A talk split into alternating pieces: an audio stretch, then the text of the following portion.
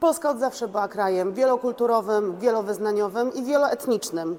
Była dobrym miejscem dla życia dla wszystkich ludzi ze względu na swoje uwarunkowania historyczne i położenie geograficzne. Wypowiedź ministra Sikorskiego o zmianie składu etnicznego Polski jest niczym innym jak straszeniem Polek i Polaków ludźmi o innym wyznaniu, o, innym, o innej kulturze, po prostu o innym kolorze skóry.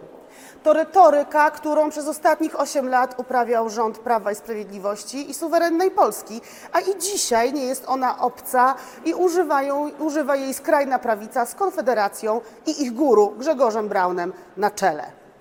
Nie ma naszej zgody na to, aby w politykę siania strachu i nienawiści wpisywały się wypowiedzi konstytucyjnego ministra rządu obozu demokratycznego.